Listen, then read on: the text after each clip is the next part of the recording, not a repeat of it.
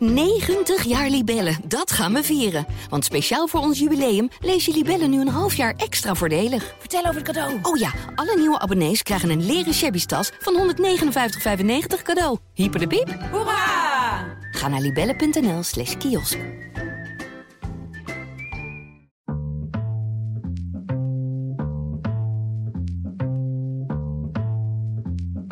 Maar nu was de situatie dus ehm, zo nijpend dat ze hadden nog voor één week of zo eten. En niet te vergeten incontinentieluiers en dergelijke. Want het zijn, gaat natuurlijk om hele oude mensen. We krijgen dagelijks berichten van Zeeuwen die spullen verzamelen voor Oekraïners in nood. Ondine van der Vleuten ging deze week mee met een busje vol spullen op weg naar Polen. Ze kwam gisteravond laat terug en ik ben benieuwd hoe ze het heeft gehad. Dit is de PZC deze week. Mijn naam is Noortje de Kroo. Ondine, heb je een beetje geslapen vannacht? Nou, helaas gingen mijn brandalarmen gisteren de hele tijd af toen ik thuis kwam. Dus ik kon nog tot half twaalf uh, brandalarmen afschroeven voordat ik eindelijk kon gaan slapen. Oh nee toch? Het was een uur of twaalf of zo. Ja. Wat heb je uh, deze week gedaan? Uh, nou, vooral in, uh, in een busje gezeten en uh, over de autoweg door Europa gekoetst. Op weg naar ehm, Polen, de Poolse grens met de Oekraïne. En daar hebben we in Poznan in een heel groot distributiecentrum een busje geleegd met in Zeeland ingezamelde goederen. En dat is vandaar doorgevoerd naar de uiteindelijke bestemming en een bejaardentehuis in um, Mikaelev. Met wie was je precies? Uh, ik was met Gerard Rudy Zweli. Hij is uh, de uitbater van een bed and breakfast in uh, Vlissingen, Westerschelde B&B. En met Lodewijk Scholten uit Kloetingen. Hij is teamleider in de logistiek bij de Sligro in Vlissingen. Dus twee Zeeuwen. En hoe kwamen zij erbij om dit te doen? Nou, Gerard Rudy Sveli die is getrouwd met een Russische, maar die heeft wel 24 jaar in Oekraïne gewoond. Voordat ze, ze is geboren Russisch en heeft een Russisch paspoort. Maar is wel, intussen kun je zeggen, toch ook wel veroekraïnst. En die vindt het natuurlijk verschrikkelijk wat daar gebeurd is. En haar vader, dus de schoonvader van Gerard Rudy Swedi, die al um, 18 jaar met haar samen is, als ik me niet vergis. Uh, die um, uh, heeft een bejaardentehuis opgezet in Mykolaiv. En dat is ongeveer 800 kilometer vanaf de Poolse grens. Dus daar zijn wij niet geweest.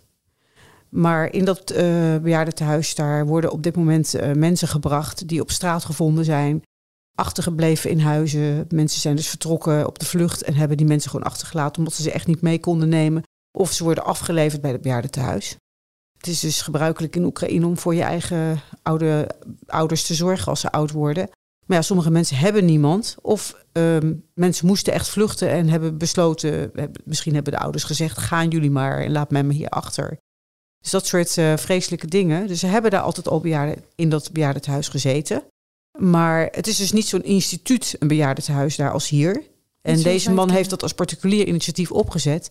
En nu worden ze daar dus overspoeld met deze achtergelaten bejaarden. Soms worden ze op straat gevonden. Ja, het is, uh, en ze hebben vaak echt, echt ernstige zaken, zoals een been eraf of een arm eraf of blind. Het zijn, het zijn niet altijd gezonde, zoals we hier hebben. Hè. Het bejaardenhuis zit betrekkelijk gezonde mensen met chronische klachten zoals hoge bloeddruk of hartklachten of diabetes. Maar hier heb je het echt over mensen die uh, echt helemaal niet meer voor zichzelf kunnen zorgen op geen enkele manier. Ja, dus die zijn echt in acute nood. Ja, ja. En, en dat bejaardenhuis bestond al. Dat bestond al en dat gaat dan dus echt wel op zijn Oekraïens op een heel ander niveau dan hier. Want die, die vader is één keer komen kijken hier in Terrede. En die keek zijn ogen uit bij de, ja, de, dat er hier een, uh, zo'n instituutskeuken is. Met, met roestvrij stalen aanrechtblad en dat soort dingen. Dat kennen ze daar helemaal niet. Ze hebben één wc voor dat hele bejaardentehuis. Op het ogenblik zijn daar iets van 45, 50 bejaarden. Dus uh, nou, je kunt je voorstellen, er is daar nog heel veel werk te doen. Maar nu was de situatie dus... Um, zo nijpend dat ze hadden nog voor één week of zo eten. En niet te vergeten incontinentieluiers en dergelijke. Want het zijn, gaat natuurlijk om hele oude mensen met bijbehorende problemen. Ja, dus toen heeft de schoonzoon, dat is dus Rudy Zweli, die heeft um, toen in Zeeland een inzamelingsactie opgezet. Ja, die, die heeft gezegd, wat heb je echt nu nodig? Of heel binnenkort echt nodig? Nou, en dan uh, is dat heel simpelweg uh, eten. Want straks kunnen ze zelfs, al, al geeft hij hen geld, het beleid van de Russen is geweest om uh, in de omgeving om bijvoorbeeld supermarkten, winkelcentra en dergelijke te bombarderen. Dus ja, er is op een gegeven moment, zelfs heb je geld, is er gewoon niks te koop. Ze onderhouden zichzelf voor zoveel mogelijk. Uh, ze, ze, hebben dus ook wel een groentetuintje. Ik heb ook foto's gezien dat ze dus zelf aan het, een beetje aan het harken zijn en doen. Wat ze nog kunnen, dat doen ze zelf, die bejaarden. Maar het is natuurlijk heel vroeg in het jaar. Er, is nog niet, er moet nog gezaaid worden. Het is, er is niks om te oogsten. Dus uh, over een week dan zou het ongeveer op zijn. Ja, dus wat is er allemaal meegegaan in het busje? Nou, dus met name dingen die uh, goed houdbaar zijn. En conserven.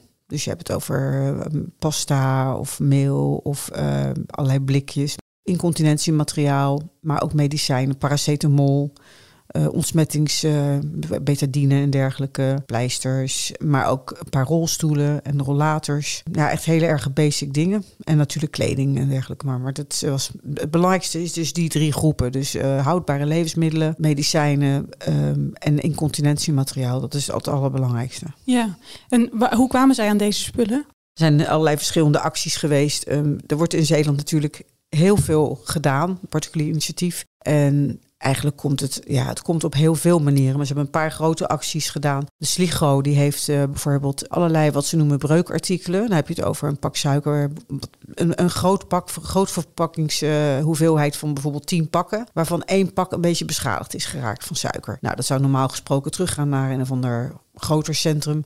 Daar zou het dan uit elkaar gehaald worden, opnieuw verpakt. Nou, nu is dat dus tegengehouden. Dat gaat dus niet, is niet teruggegaan naar dat herverdeelcentrum. En dat is uh, zo meegegeven. Dus dat soort, dat soort dingen, dat noemen ze de breukartikelen. Daarnaast hebben ze nog voor uh, iets van een bepaald bedrag... hebben ze gewoon conserven uitgezocht en spullen daar. En dan heeft, is er nog een inzameling geweest, bijvoorbeeld bij de Jumbo... waar mensen kregen een lijst als ze boodschappen gingen doen. En er stond dan op van, uh, als u zou willen... kunt u dit en dat en dat ook voor Oekraïne geven. Nou, daar zijn dingen van vandaan gekomen. Er is bij de Zeevaartschool cash ingezameld. Er zijn dingen, uh, rollators en uh, rolstoelen zijn van uh, boerderijwinkel Landlust gekomen in Wolfertsdijk. Ja, er zijn, er zijn op, eigenlijk op heel, heel veel manieren overal wel, wel dat soort producten afgegeven en, en ook geld. Ja, en dat was dus allemaal voor dat bejaardentehuis. Maar zijn jullie daar ook geweest? Nee, dat, dat is dus. Uh, ik, ik zou er niet heen mogen. Als, ik ben geen oorlogsverslaggever. Maar we hebben het hier over eenvoudige Zeeuwen zoals jij en ik die gewoon denken, denken, we willen iets doen, we moeten iets doen. Natuurlijk zijn er die grote acties van het Rode Kruis en het Leger des Heils en de kerken, die dus wel allemaal daar in dat land zelf ook uh, zusterorganisaties hebben en weten hoe ze daar dat land in kunnen op een veilige manier. Maar mensen als jij en ik kunnen daar maar beter bij wegblijven. Want er, er gebeuren gewoon hele enge dingen. Als je daar met zo'n busje op de bonden voor je heen rijdt. Er zijn al verhalen bekend van uh, mensen bij wie uh, de chauffeur doodgeschoten is, de vrouw verkracht, uh, het busje leeggehaald. nou, dat soort dingen. Dat gebeurt. Je moet, niet, je moet niet daar maar gewoon het land binnenrijden met een busje. Zo van de, we gaan daar eventjes naartoe en zo. Nee. We hebben 3000 kilometer gereden in totaal in die drie dagen. Um, de eerste dag zijn we dan in een hotel blijven slapen. Toen nog een klein stukje en dan aangekomen in, op het punt waar een heel groot distributiecentrum is in uh, Poznan. Daar hebben we uh, alles afgegeven. En daar vandaan uh, wordt het dan doorgedistribueerd Oekraïne in. En dat gaat dan via organisaties die samenwerken met Defensie, met de medische organisaties, met de Oekraïnse post. En dat kost allemaal niks. Dat wordt allemaal voor niks gedaan. En hoe zag het eruit op dat distributiecentrum? Nou, het is echt een, een gigantisch ding. Ik heb opgeschreven hoe groot het was. En eigenlijk elke keer als ik het lees, van, ik, heb, ik heb het opgeschreven, mevrouw die dat tegen, meneer die dat tegen me zei, die keek mee. En volgens mij zou dat dan dus moeten kloppen. Blijf elke keer maar denken van ik zie het verkeerd of ik heb het niet goed geschreven. Ik kan het zo even niet vinden, maar het was geloof ik 240.000 kubieke meter of iets dergelijks, zei hij tegen mij geloof ik. Nou, in elk geval, je klinkt heel groot. Het klinkt heel groot. Ik zal me misschien vergis ik me hier in dit, in dit aantal, maar laat ik het zo zeggen, je komt binnen daar en uh, je kunt daar uh, gewoon rondjes rijden met vrachtwagens in, in die hal. Dus het is echt gigantisch, gigantisch. Ja. En, uh, Was het vol of leeg? Stond er een file? Hoe moet ik dat zien? Dus het is wat vooral opviel is dat het ontzettend georganiseerd is. Uh, alles wat wij bijvoorbeeld in die bus hadden ook. Dat was al helemaal in dozen verpakt, waarop uh, formulieren zaten waar precies op staat wat erin zit. Het is helemaal dichtgemaakt. En wij leveren dat kan zo kant en klaar af. Dus daar hebben ze niet veel aan te doen meer daar. Maar er zijn ook mensen die komen daar met uh, gewoon plastic zakken met ongesorteerd kleding. Nou, dat, er zijn dus allemaal vrijwilligers daar, ongeveer twintig. Het grootste gedeelte daarvan is zelf Oekraïns vluchteling. Die mensen sorteren alles en die zorgen dat het allemaal netjes in dozen gaat en gestickerd wordt en zo. Dat is echt zo goed georganiseerd. Als je binnenkomt zie je gewoon een bijna lege hal. Nou, dat is niet waar, maar hij is zo groot dat ook al staat daar heel veel, dat het nog steeds half leeg lijkt. Dat komt omdat er daar elke dag 10, 20 vrachtwagens wegrijden met spullen. Er, er is een voortdurende, ja, er is een voortdurende aanvoer en een voortdurende afvoer. En de mensen die daar werken zijn dus ook echt met, ja, het ze hebben zijn achtergrond in logistiek. Of ze hebben dat tot taak. Dat is dus een heel belangrijk punt, de logistiek. Wij hadden dus ook steeds overleg van hoe gaat het nou verder vanaf daar en zo. Met wie gaat het dan mee? En in principe gaat alles door naar de WIF, waar een post, heel groot postkantoor van de Oekraïnse Post is. En dan wordt het daar vandaan weer door herverdeeld. En dat wordt, wat er naar wie toe gaat, wordt dan besloten door mensen van het leger, van de medische, medische organisatie, van de overheid. Die weten waar dingen nodig zijn. Maar er zijn ook kleine particuliere zendingen, zoals die van ons dus, waarvan heel specifiek gezegd is dat moet daar naartoe. Nou, en dat gaat dan dus veel rechtstreekser. En daar, daar hebben ze dan ook geen invloed op. Van. Dus dit moet echt daar aankomen. En we hebben daar dan dus ook van, van krijgen daar bewijs van foto's en zo, dat het inderdaad uh, aangekomen is. Ja, dat is dan wel fijn. En waar hadden ze nou het meeste behoefte aan? Uh, in het centrum. Ja, had je daar zicht op? Er is eigenlijk aan alles behoefte. Heel simpel. In het land zelf is alles kapot gemaakt. Is het gewoon echt een soort van, uh, ja, verwoest, verwoest, gewoon verwoest land. Er is niets meer van over. En iedereen die hierheen is gekomen of daar, daar zat bijvoorbeeld, die heeft ook niks meer. Dus eigenlijk is alles welkom, alleen uh, de juiste goederen moeten op het juiste moment bij de juiste personen komen. En daarvoor is zo'n organisatie die dat allemaal heel strak organiseert en precies weet van waar is op welk moment behoefte aan, is belangrijk. Anders krijg je dus wat er in het verleden wel gezien is: dat is een, een busje goedwillende mensen ergens naar de Poolse grens rijdt en dan daar gewoon staat en uh, wat vluchtelingen ziet en een paar zakken met kleren leeg, gooit.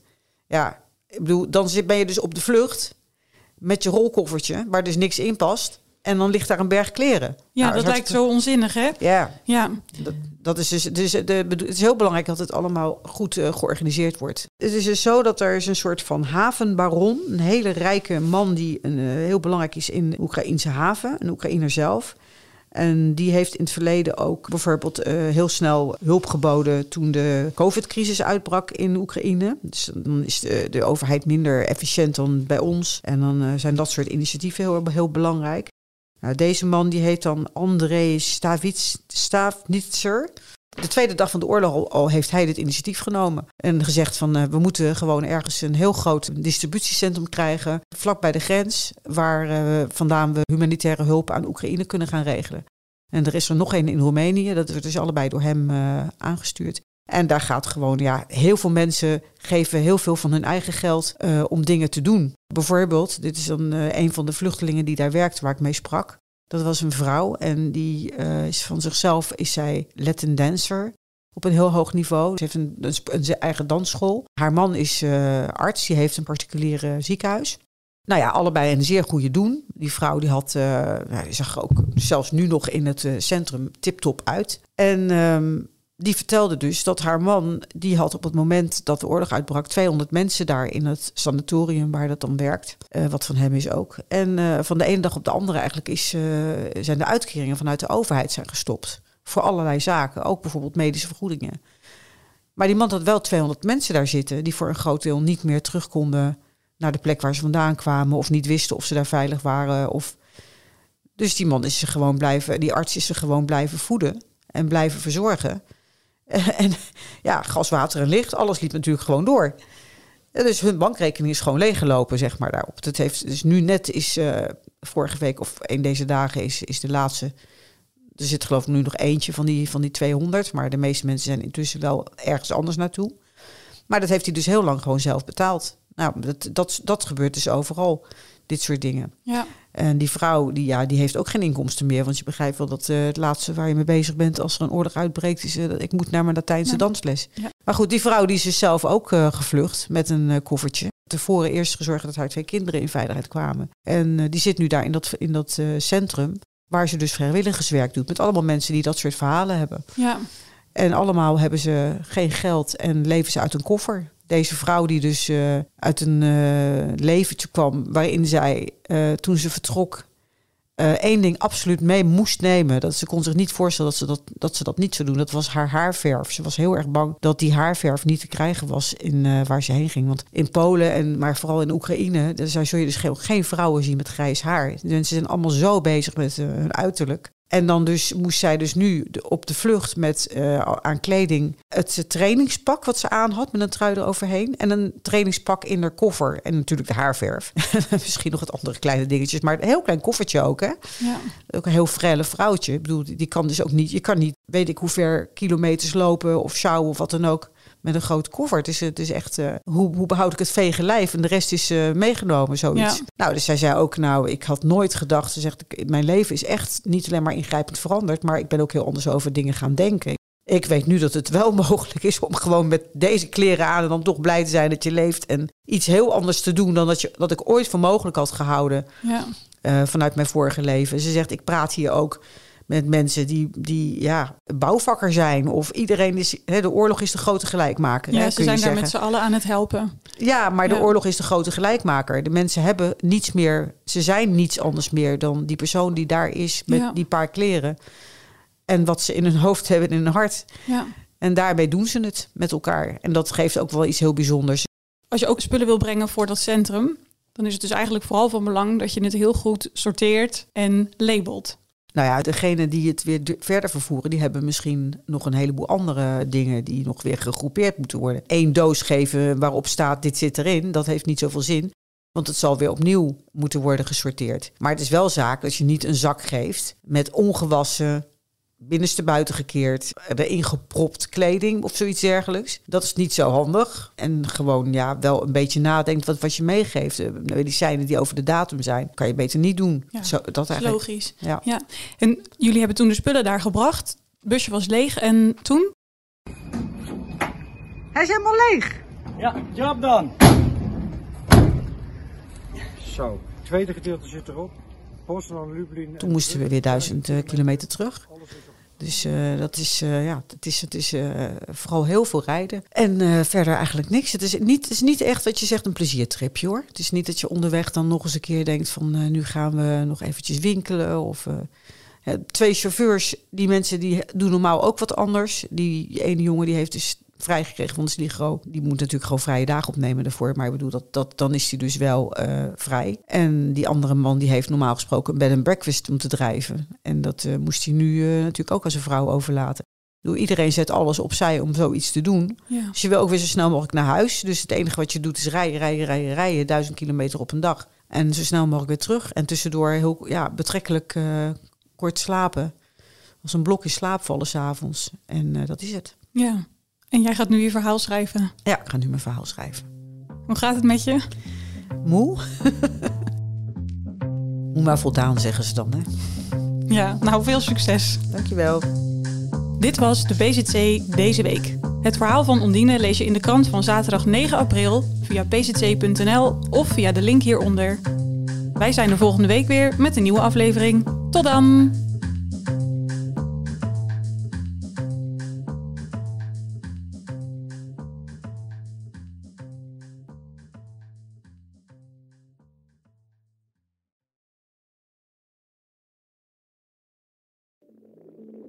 Ik denk dat je een soort van tweespalt had tussen de mensen die ons cool vonden en de mensen die het cool vonden om ons te haten. Maar ik kan me nog levendig de eerste vier tellen herinneren. Dat ik heel goed besefte zo van met deze tikken bepaal ik volgens mij wel een toekomst. Kijk, als we dingen heel anders hadden gedaan, dan was dit niet gebeurd. Als we ooit klaar zijn en ik moet uh, de, de, de vijf hoogtepunten van onze carrière noemen, is dit er één van.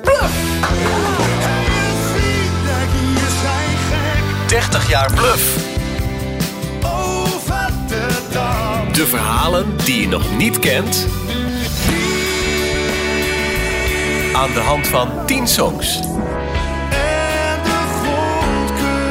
Dit is de podcast 30 jaar bluff. Waaraan we verdwijnen. Met Peter, Bas, Norman en Pascal.